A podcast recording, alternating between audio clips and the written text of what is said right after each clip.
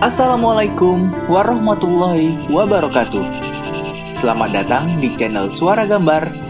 Beragam cerita, hiburan, serta pengetahuan yang bisa kalian ambil di sini. Sebelum menonton, jangan lupa subscribe ya, like dan komennya setelah selesai menonton.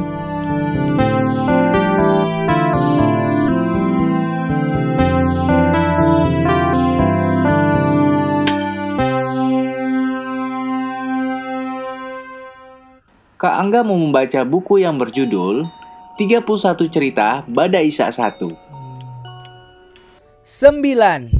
Penyakit aneh Raja Tuba Raja Tuba adalah penguasa di negeri Himyar.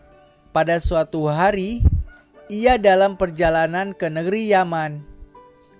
Ia diiringi oleh segenap para menteri dan hulu balangnya untuk mencapai Yaman mereka harus melewati Mekah.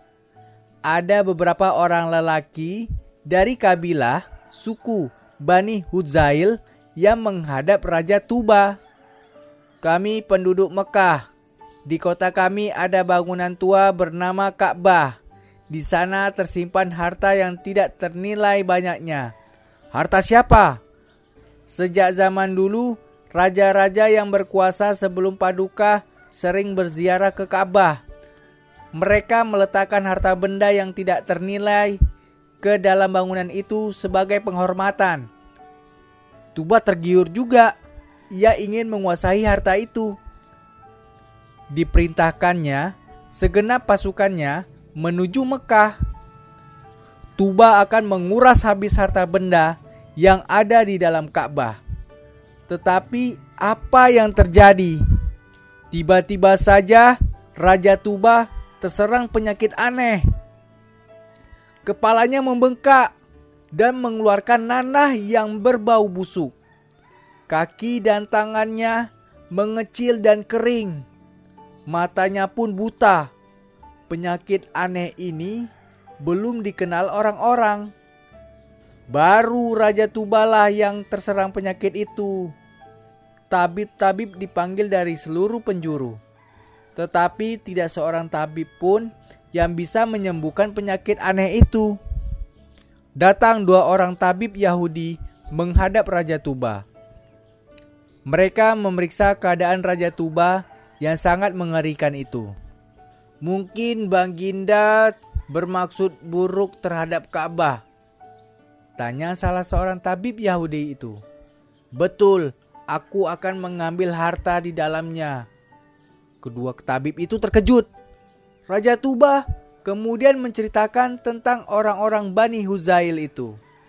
Baginda, ketahuilah bahwa Ka'bah itu rumah ibadah yang dibangun oleh Nabi Ibrahim alaihissalam dan Nabi Ismail alaihissalam.